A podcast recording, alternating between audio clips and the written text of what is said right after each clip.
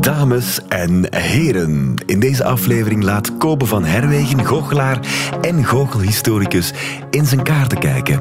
Je kan niet ontsnappen aan de waanzinnige verhalen over Harry Houdini. Ik ben Corneel de Klerk en dit is Weet ik Veel. Weet ik veel?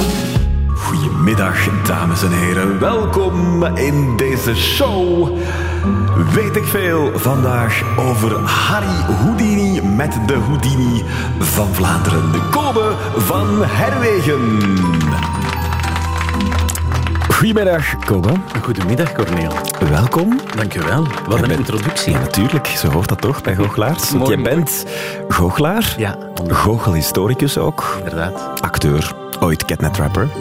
Maar je weet heel veel over de geschiedenis van de magie. Je weet ook heel veel over Harry Houdini. Hoe lang ben je eigenlijk al fan van Harry Houdini? Ik ben fan van Harry Houdini. Ik heb hem leren kennen toen ik een boek over hem las op mijn twaalfde. De man die door muren liep.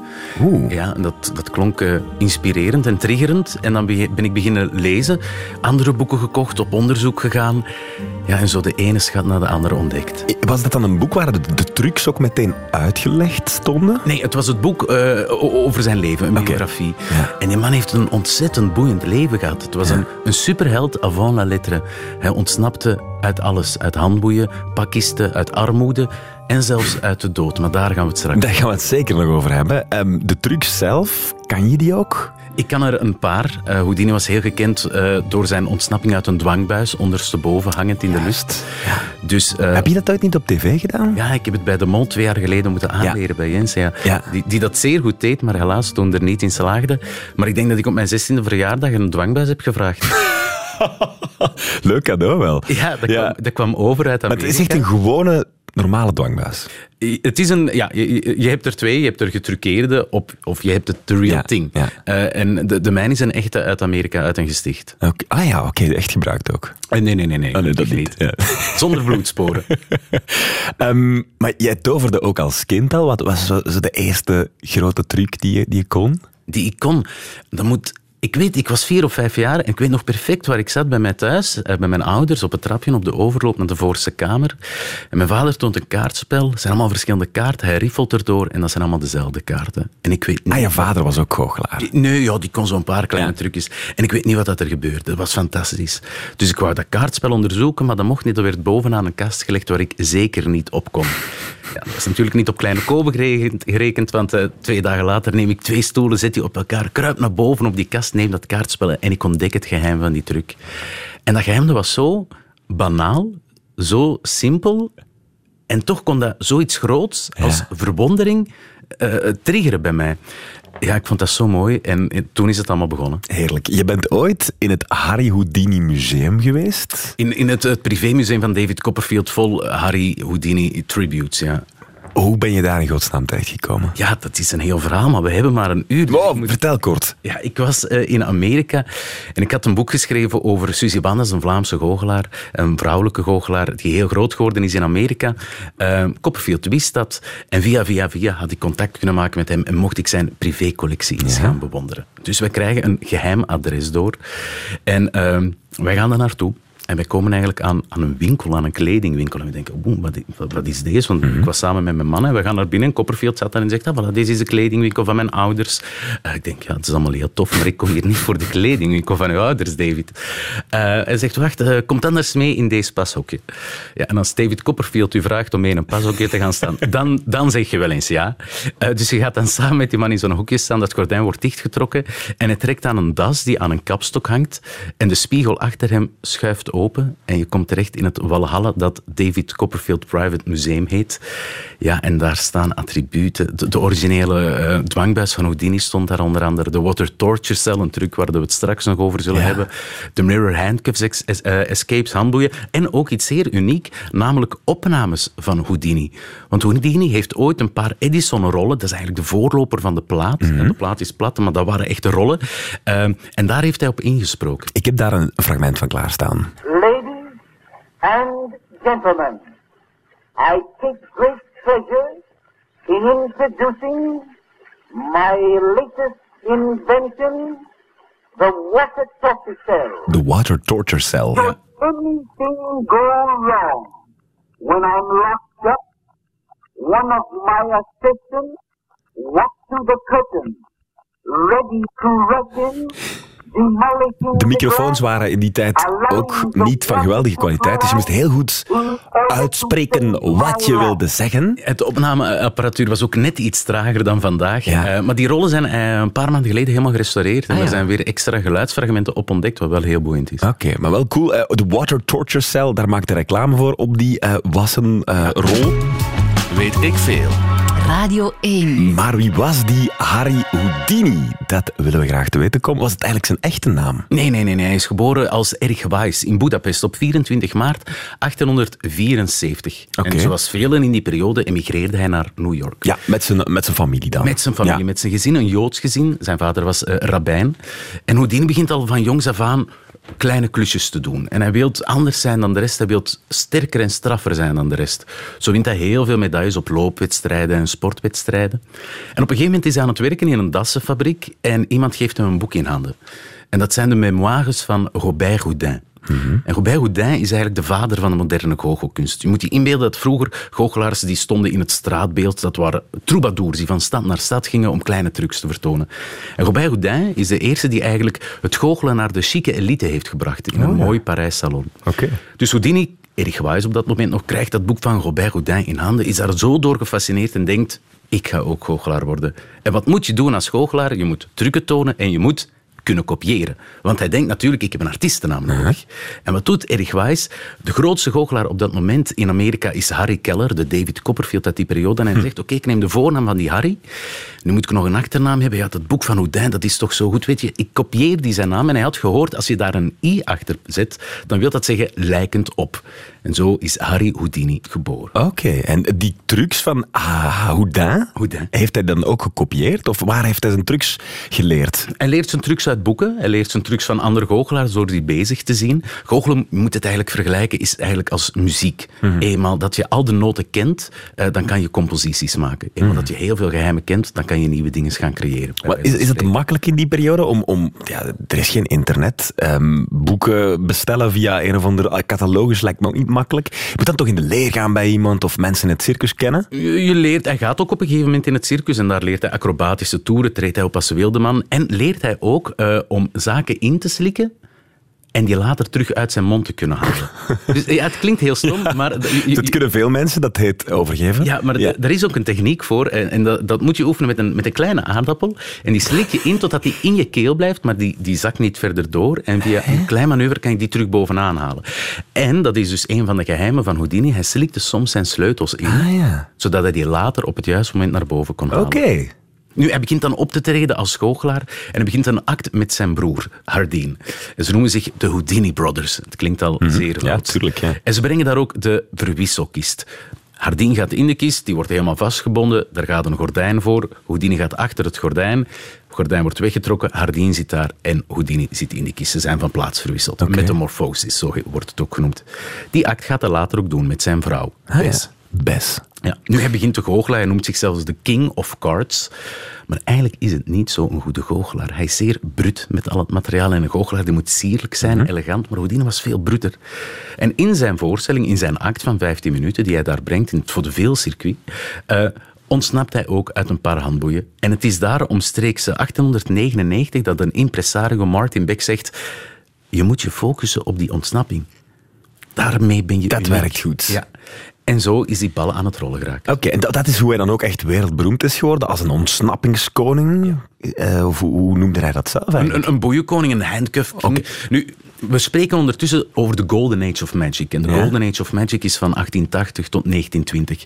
En goochelaars zijn op dat moment echt de grootste namen op de affiches. Zij hebben hun eigen treinwagons om mee rond te reizen. Als ze in een theater aankomen, laden ze hun materiaal binnen, worden alle achterdeuren gebarricadeerd, zodat niemand kan Ja. binnensluipen om achter de geheimen te komen. En er worden letterlijk gaten in het podium gezaagd om assistentes te laten verdwijnen. Dus mensen zagen heel graag goochelaars op dat moment. Ja, dus zij zijn super populair. Dat dat is Amerika dan. Ja, Amerika en Engeland. Londen is ook de magical capital of the world op dat moment. Dus zij gaan echt heen en weer van de VS naar Londen dan met de boot, met al dat materiaal erbij. En reizen dan meestal ook nog door Europa rond. En Houdini begint eenvoudig met simpele handboeien. Hij Ja. heeft succes. Andere goochelaars zien dat en die denken, ah, we gaan dat toch ook in ons programma opnemen. Dus Houdini gaat weer een stapje verder en hij begint eigen ontsnappingen uit te vinden. En hij begint het allemaal ook nog heel straf te verkopen. Want elke keer als hij ergens nieuw aankomt in een nieuw stad of in een nieuw land, doet hij een persstunt. De meest bekende persstunt is dat hij ondersteboven hangend aan een dwangbuis ontsnapt in het straatbeeld. Ja. Honderden mensen, duizenden mensen op straat zien dat, vinden dat geweldig, want er is armoede, dat is een man die kan ontsnappen, letterlijk zelfs uit Ja, ja. armoede, die moeten we live zien. Iedereen gaat naar het theater. Een andere knappe truc was dat hij met de lokale pers naar een plaatselijke bevang- eh, gevangenis ging. Ja. Mhm. En daar liet hij zich vastbinden door de politie. Eh, Daarna kreeg de pers wat hapjes en ze dachten, we zien Houdini binnen een uur. En na 30 seconden kwam Houdini de kamer binnen met de handboeien los uit de cel ontsnapt. Dat heeft hij overal gedaan, met heel veel succes, behalve in één land. Een land gekend voor zijn surrealisme. Nee. België. Echt waar? Ja, hij geraakte... welke gevangenis was dat? Ja, Weet je dat? dat, dat zijn we nog niet kunnen achterhalen. Is waar? Ja, maar hij kon er niet uit ontsnappen, uit die handboeien. En hij is moeten doorreizen naar het volgende land. Want doorheen zijn leven is Houdini verschillende keren ook in België gekomen. Oké, oké. Ja, eh, ik, eh, als ik het juist van buiten weet, in eh, 1902, 1909 en 1912. Oké, was dat, was, dat, was dat standaard, dat van die goochelaars heel Europa rondreizen en, en zo verschillende keren in een land als België langskwamen? Ja, we hadden het grote geluk met, met Brussel en Gent dat iedereen die in Londen optrad en het Europese land wou aandoen en daar groot wou worden, ja, die kwamen wel door Brussel of Gent. En daardoor zijn heel veel van die grote namen uit die periode hebben die hier onze steden ook aangedaan. Oké. Die ontsnappingen uit gevangenissen. Ik heb daar ook zelfs gelezen dat hij ooit uit een trein die naar Siberië ging ontsnapte. Dat zijn echt wel hele grote dingen ook. Een, een Siberische eh, gevangeniscel was dat, ja. Een, een Siberische gevangeniscel die was mobiel om de gevangenen van de gevangenis naar het gerecht of zo te brengen. Ja? Eh, en daar is hij ook uit kunnen ontsnappen. Er zijn verschillende theorieën over hoe dat hij het heeft gedaan. Maar het meest interessante is eigenlijk, is Houdini die ging over heel Europa, werd in de chicste gevangenissen opgesloten, de, de, de best bewaakte gevangenissen, werd vastgebonden met de beste handboeien van dat land Mhm. op dat moment. Die kwam achter heel veel informatie. Juist. En volgens sommige bronnen en volgens sommige biografieën was Houdini eigenlijk een geheime spion voor Scotland Yard. Ja, en dat vlak voor de Eerste Wereldoorlog. Ja. Oké. Waanzinnig. Misschien moeten we even een kort overzicht geven van de waanzinnigste trucs die Harry Houdini zelf heeft gedaan. Want zo waren er wel een paar. Ja, heb je een dag of twee om op te lijsten? Ik, heb gehoord dat hij ooit een olifant heeft doen verdwijnen. Ja, hij heeft een olifant laten verdwijnen in het Hippodrome eh, Theater in New York. Dat was op eh, 7 januari 1918. Eh, nu, het was een slechte goochelaar en dat is echt een goocheltruc. Eh, ik zal beschrijven wat er gebeurde en dan moet je zelf maar achterhalen hoe het zou kunnen werken. Er komt een olifant het podium op. Oh, niet simpel. Er rijden eh, twee techniekers een grote beestenwagen op. Ja. De olifant gaat in de beestenwagen. Er wordt hocus pocus pats gezegd. Eh, die beestenwagen gaat open, die voorzijde, en die olifant is weg. Het publiek applaudisseert en er komen 25 techniekers om, op om die beestenwagen terug af te rijden. Niet echt de beste truc. Ik denk dat ik diezelfde truc ooit gezien heb eh, toen een, een 14-jarige jongen, ik zal hem noemen Jan, een vriend van ons, op mijn communie is komen goochelen. En die had een konijn waarmee hij hetzelfde deed in een doos. Dat konijn ging in die doos, daarna ging die doos open en het konijn was weg. En daarna kwam het toch uit de doos een beetje later. Ja, ja, ja, ja. Een 14-jarige jongen toen. Ja, ja. Hoe lang is dat geleden? Niet zo, ja, een hele tijd geleden. En welke kon het rijden? Hm, Overijssen. Ah, Jodenrijk was dat, denk ik. Nee, het was Jan. het was echt. Jan. Ja, ja.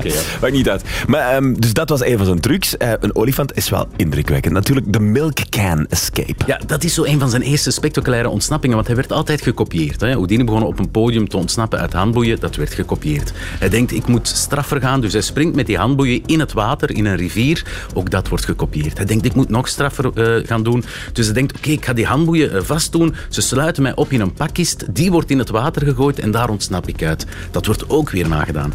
En dan denkt hij, ja, maar dat zijn allemaal stunts voor buiten, ik moet iets binnen doen. Dus hij laat een grote melkkan maken. Het was toen een zeer gekend object. Mensen waren daar vertrouwd mee. Die laat hij vullen met water. Hij gaat daarin.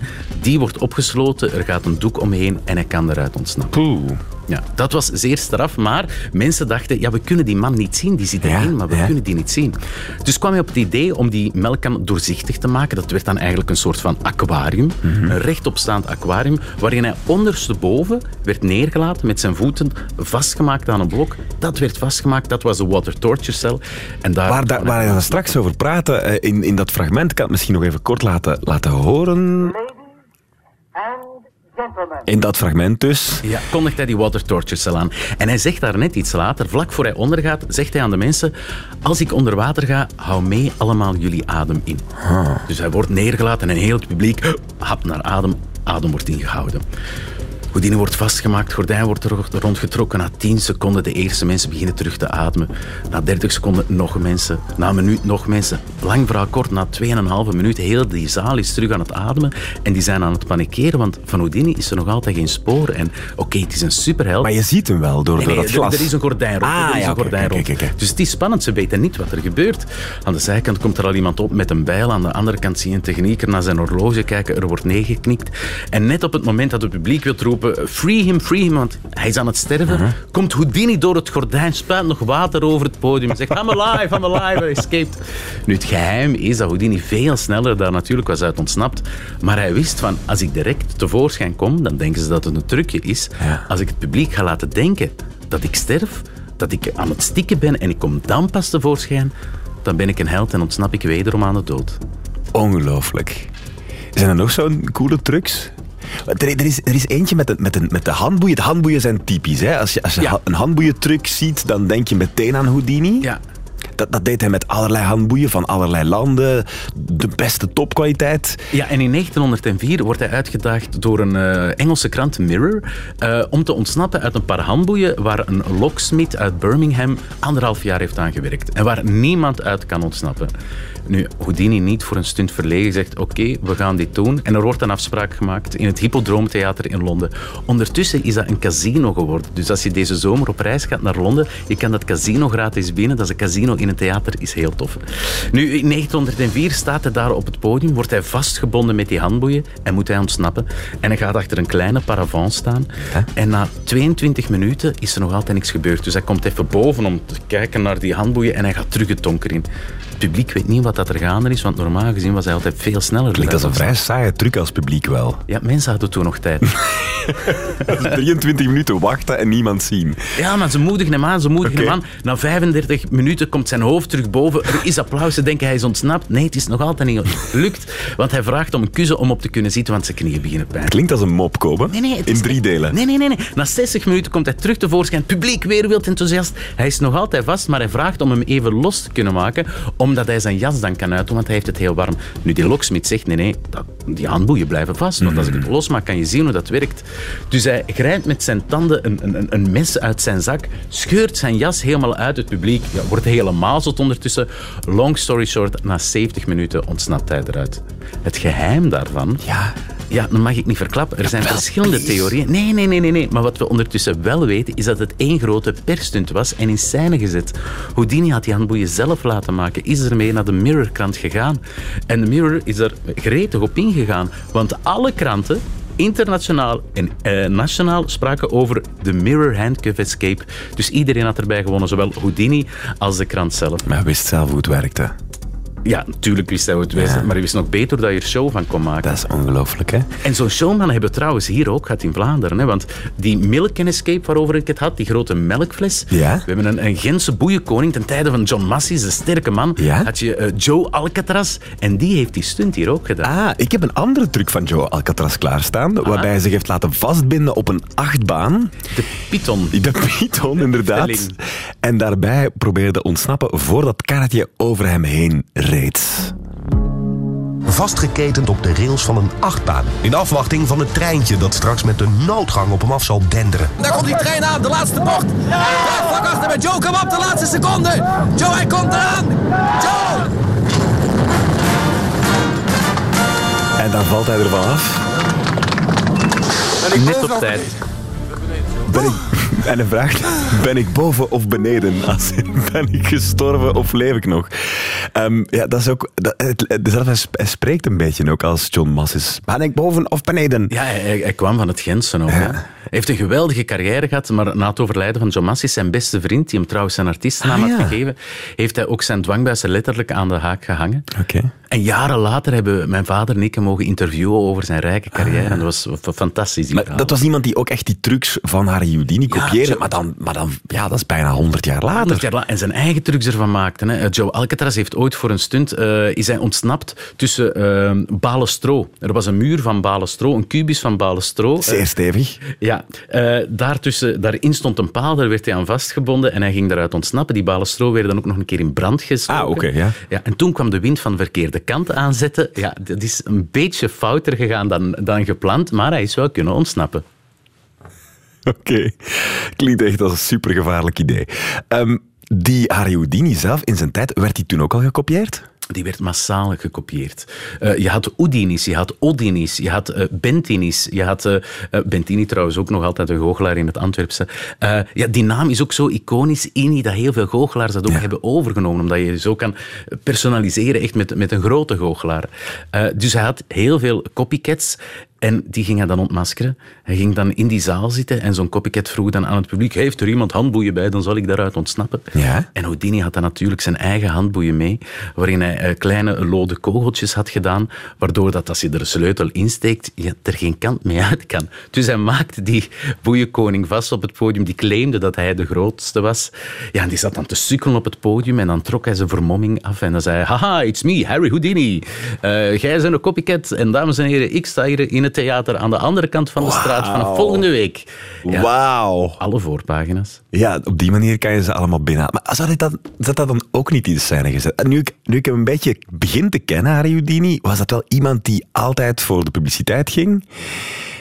Ik, ik kan me perfect inbeelden dat hij gewoon een slechte goochelaar betaalt en zegt van, zullen we nu samen eens iets doen? Nee, dat moest niet. Er waren, nee. er, waren er meer dan genoeg die, die ook zijn succes wilden en daarom hem kopieerden. En Houdini was zo groot dat alle groten der aarde op dat moment, ja, daar was hij mee bevriend. Je hebt foto's van Houdini met Einstein, met Charlie Chaplin. Ja. Conan Doyle was zelfs een van zijn beste vrienden die letterlijk dacht dat Houdini kon dematerialiseren uit al die objecten waarin hij werd opgesloten. Ah, dat, dat is de man van de Sherlock Holmes. De schrijver daarvan, ja. Ja, ja. En Die geloofde daar echt in. Die geloofden daar echt in. eh, en dat waren, Houdini vond dat geweldig, dus dat waren dikke vrienden. Maar later in hun carrière zijn het ook eh, de grootste vijanden geworden. Oké, dan moeten we het zo meteen misschien nog even over hebben daarover. En ook over hoe hij uit de dood zou zijn ontsnapt. Weet ik veel? Een arme jongen eh, Ja. die uit Hongarije kwam als eh, ja, familie, familie, Joodse familie die daar gevlucht was. In Amerika terechtgekomen. Dat moet wel... Dat is echt American Dream ook, hè? Ja, dat wordt uiteindelijk de American Dream. Maar in het begin is het te overleven. Hè? Ja. En zijn vader sterft eigenlijk ook vrij jong. En eh, op zijn sterfbed roept hij eh, Erich Weiss, hè, Harry Houdini, bij zich. En hij zegt tegen zijn zoon, ik wil dat je voor, mijn, voor je moeder zorg gaat dragen. Oké. Heeft hij dat gedaan? Volgens zijn memoires zegt eh, Houdini op dat moment de woorden... Vader, ik zal ervoor zorgen dat het goud hier over de vloer zal rollen. Ja, volgens de memoires van Houdini, en we weten ondertussen, dat moet je soms in de korrel zout nemen, maar het verhaal gaat verder in die memoires, dat na zijn eerste grote optreden hij zich in goud laat uitbetalen. Oh. En hij steekt dat goud in alle zakken die hij maar heeft. En hij komt thuis en hij zegt, moeder, schud met mij, schud met mij. en moeder pakt haar zoon vast, schudt ermee en het goud rolt letterlijk op de grond. Wat een showman. Ja, ja, ja. Die, die moeder was, was dol op hem. Ja. Eh, Houdini was ook dol op zijn moeder. Hij was er bijna verliefd op. Houdini had een vrouw, Bess. Ja. Ze hebben nooit kinderen kunnen krijgen. Maar de moeder eh, van Want. Bess was, was, zijn, was zijn assistenten ook. In het begin zijn assistente, Ja. maar is aan zijn vrouw natuurlijk geworden. Eh waren meteen van het prille begin eh, geliefdes. Maar zijn moeder Cecilia, ja, dat was zijn grote held. Het is zelfs zo dat op een, een, een tournee doorheen Engeland, hij, hij is in Londen, ziet hij in de etalage een jurk staan, prachtige jurk, ontworpen voor Queen Victoria. En Victoria is op dat moment dood. En mag die. Nog niet zal- lang, Nog niet lang en zal die jurk nooit gedragen hebben. Dus hij gaat binnen en vraagt, mag ik die jurk kopen? En die verkoper zegt, nee, die mag niet verkocht worden, want enkel eh, de queen mocht deze jurk dragen hier op deze grond. Waarop Houdini slim zegt, ah, maar als het op andere grond is, namelijk Amerikaanse, mag het dan... Lang verhaal kort, hij koopt die jurk en hij geeft die aan zijn moeder. Ik heb van jou een echte koningin gemaakt. Wauw. Ja, en op een gegeven moment, ja, in 1904 gaat hij terug naar Londen. En aan de kade staat zijn moeder te zwaaien en heeft ze twee sloffen vast. Die Houdini was vergeten in zijn bagage te doen. En die worden nog eh, op de boot gegooid. Ja? En enige tijd later zit hij in zijn kleedkamer, doet hij die sloffen aan en krijgt hij een telegram binnen dat zijn moeder onverwacht is gestorven. En Houdini is daar kapot van. Zijn grote liefde, zijn moeder is dood. En vooral ook, hij heeft daar geen afscheid van kunnen nemen. Dus hij werkt met heel veel verdriet die, die optredens af, want hij was zeer professioneel. Hij gaat terug naar Amerika en komt aan in het lege kamertje waar dat zijn moeder lag. En hij heeft het daar heel moeilijk mee, want hij wil afscheid kunnen nemen van zijn moeder. En op dat moment had je een enorme opkomst van het spiritisme. Het in contact komen met geesten. En Dat, waren- dat zijn Ouija-borden en contacten met geesten en ja, dat en vooral dingen. ook heel veel vrouwen in een donker achterkamertje. Kaarsjes. Kaarsjes, een glazen bol, eh, die worden vastgebonden soms ook. En toch gebeuren er allerlei zaken. Mhm. Dus Houdini wil afscheid nemen van zijn moeder. En hij gaat op bezoek bij een van die mediums.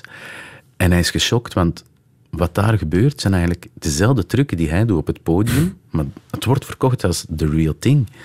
En hij gaat ze allemaal af, maar niemand kan in contact komen met die moeder. Omdat natuurlijk, tenzij je daar graag wilt in geloven, maar ik doe het niet, omdat het volgens mij natuurlijk ook niet kan.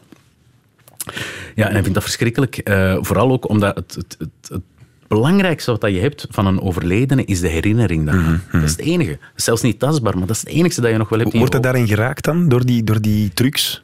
hij wordt vooral geraakt omdat al die mediums, die charlatans, die herinnering aan zijn moeder vervormen. Door dingen te zeggen over de moeder en boodschappen door de van de moeder over te geven die niet kloppen. Dus hij begint een kweesten. Hij vermomt zich weer als een oude man en gaat eh, bij de mediums binnen. Het licht wordt uitgedaan, er wordt contact gemaakt met de overleden vrouw van die man. En op dat moment steekt Houdini zijn zaklamp aan en zegt hij... U bent ontmaskerd door mezelf, Harry Houdini. En tada, hup, deur gaat open. Hier staat de pers. Foto, foto, foto. Eén na één werden al die mediums ontmaskerd. Ook wel een, tikkeltje een klootzak eigenlijk, toch? Want op een manier, enerzijds, ik snap het idee van, ik wil charlatans eh, eruit halen, maar hij verdient zijn geld toch ook met goocheltrucs? Ja, maar hij ver- vertelt ook dat het trucs zijn. Ik Ja. ga jullie proberen te misleiden. Hij zegt niet, ik Alles. heb dit allemaal in scène gezet en ik, ik zat niet in het water. Ik, ik stond er eigenlijk al super lang naast. Ik maak er show van. Ja. Maar ik ga niet zeggen dat ik duistere krachten heb. Ja, juist. Nu, ik had het daar straks ook al over Conan Doyle, de schrijver van Sherlock Holmes, Mhm. een van de goede vrienden van Houdini. Ehm, die leest die krantenartikels in Engeland over Houdini en die is gechoqueerd. Die stuurt naar Houdini een brief van... Maar hoe Ben je aan het doen? Ja. ben je aan het doen? Want dit is wel echt... Nu, je moet weten, die Conan Doyle, eh, fantastische schrijver, maar in die periode heb je ook de Cottingley Fairies. Ik weet niet of dat je dat Nee, verhaal nee, kent.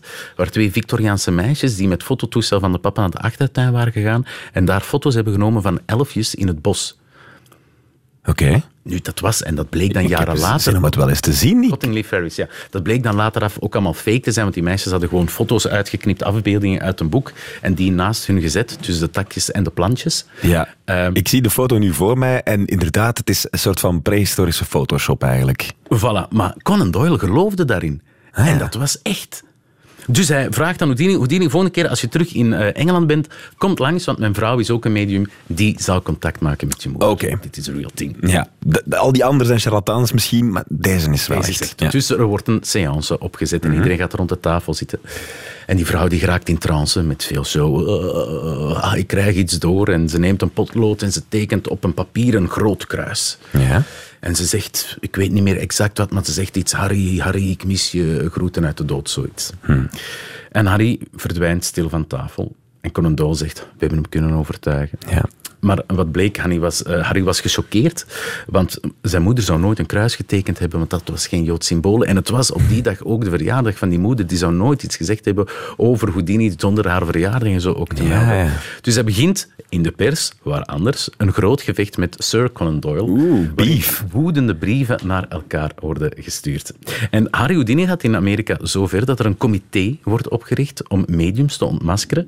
En het is zelfs zo dat hij in 1926 eh, naar het eh, Amerikaanse congres gaat voor hearings, om daar ook een nieuw wetsvoorstel tegen het spiritisme te kunnen ingeven. En dat in Amerika, dan krijg je veel mensen tegen je. Ja, want hij looft zelfs 10.000 dollar uit voor de real thing. En zo onderzoeken ze mij in het comité heel veel mediums. Margery is de bekendste daarvan, maar niemand slaagt erin.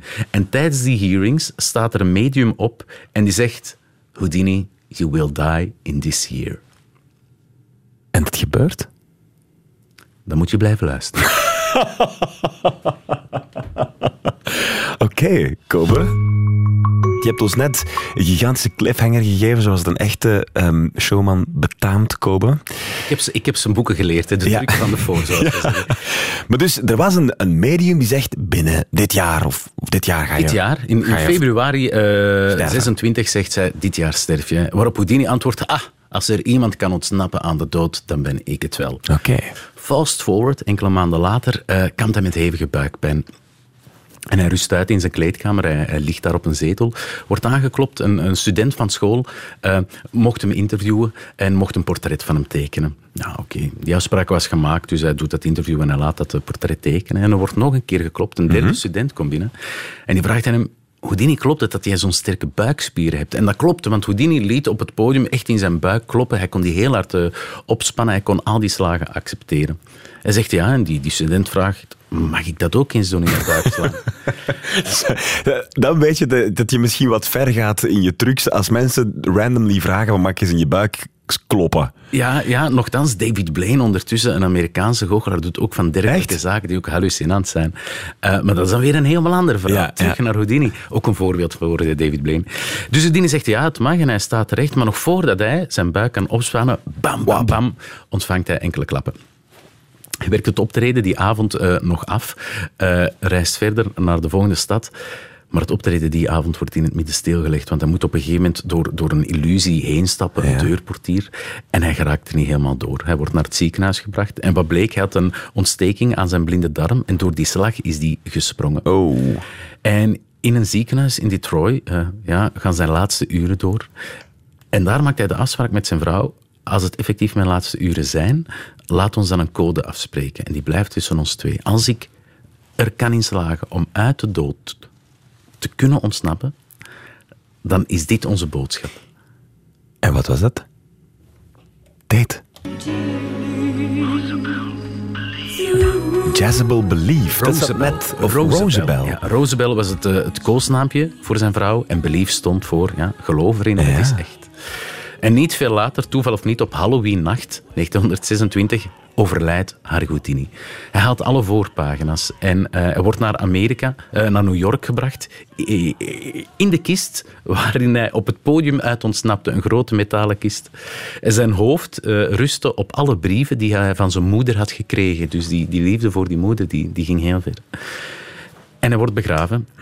En elk jaar op Halloween wordt er een seance opgevoerd. Dat is zo toepasselijk ook op Halloween. Ja, om met de geest van Houdini in contact te komen. En het eerst volgende jaar, 1927, slaagt Bess zijn vrouw er niet in om contact te, te kunnen krijgen met haar man. Maar het jaar daarna komt hij door. Rosabel, geloof, verschijnt er plotseling. En wederom, twee jaar na zijn dood, haalt Houdini alle voorpagina's en spreekt iedereen vol lof over hem. En hij is erin geslaagd in het onmogelijke ontsnappen uit de dood. Het enige keerpuntje is natuurlijk dat het in scène was gezet. Ja. En ditmaal door zijn vrouw. En de redenen waarom zijn tot op de dag van vandaag nog altijd niet helemaal Ja, uitgeklaard. heb je daar geld voor gekregen? Of... Waarschijnlijk van een bepaalde krant wel. Ehm, ze had een afspraak gemaakt met het medium en eh, ze had eerlijk gezegd wat de boodschap was.